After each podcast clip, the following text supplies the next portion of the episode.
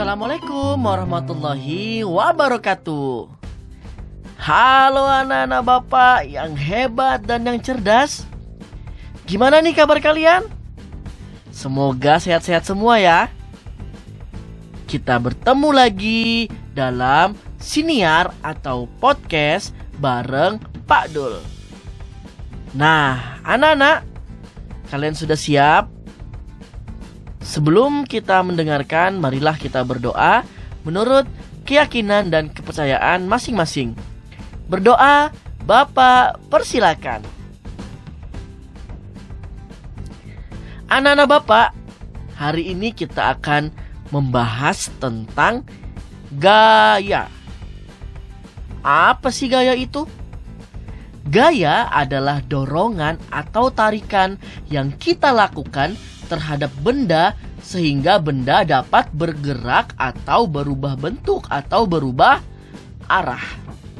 Nah, macam-macam gaya yang sering terjadi dalam kehidupan sehari-hari adalah sebagai berikut.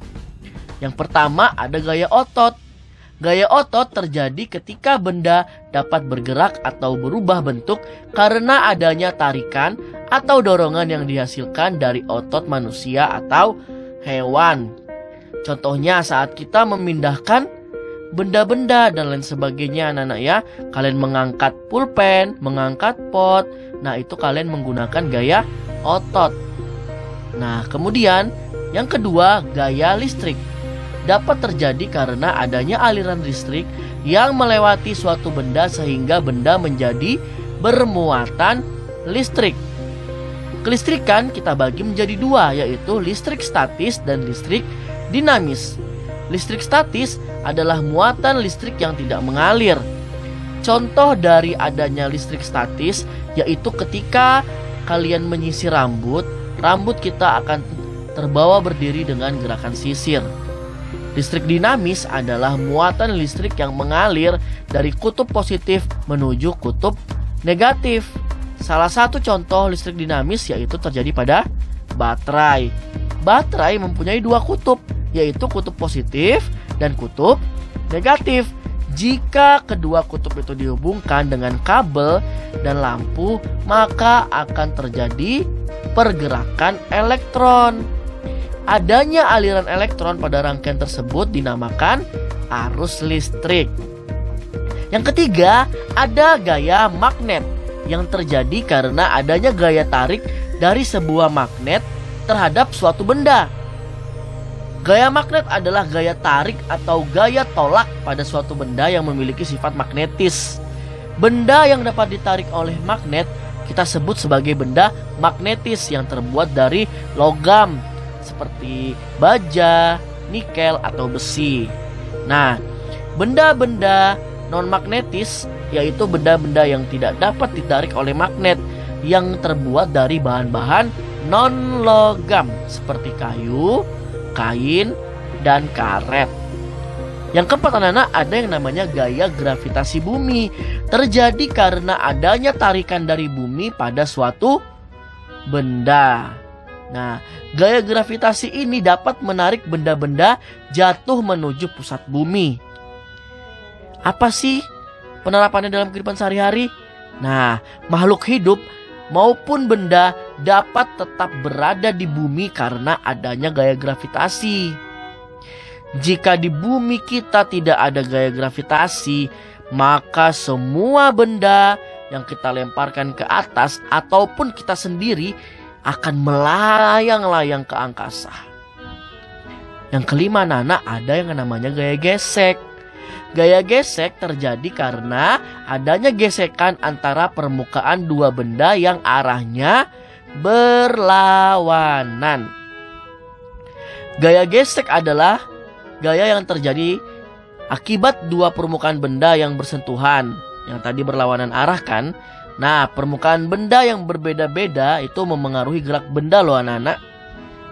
Gerak benda pada permukaan yang halus pasti lebih cepat dan teratur daripada gerak benda pada permukaan yang kasar.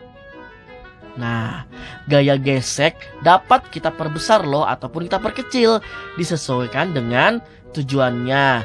Contoh penerapannya nih anak-anak. pada saat kita memperbesar gaya gesek yaitu pemasangan keramik dengan permukaan kasar di lantai kamar mandi dan penggunaan bahan karet pada benda-benda seperti rem sepeda, tali timba sumur, dan ban kendaraan. Nah, sementara itu anak-anak, contohnya kita memperkecil gaya gesek adalah pada pemasangan roda pada lemari atau kursi agar lebih mudah digeser dan penggunaan pelumas pada rantai dan roda dapat memperkecil gaya gesek. Nah, setelah kalian menyimak tadi tentang gaya-gaya, ayo kita coba selesaikan soal-soal berikut.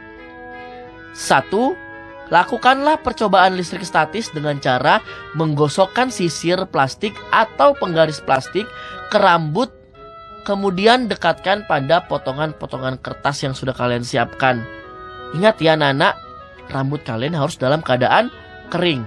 Nah, coba kalian gosokkan beberapa saat, kemudian kalian dekatkan sisir atau penggarisnya ke potongan kertas. Amati ya, dan coba catat apa yang terjadi. Yang kedua Nana, coba kalian ceritakan 5 contoh gaya otot yang dapat kamu lakukan di dalam keseharianmu.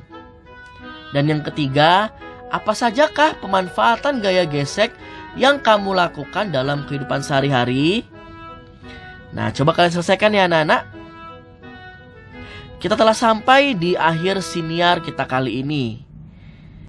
Semoga anak-anak dapat mendap memiliki uh, pengetahuan baru dari podcast kita kali ini.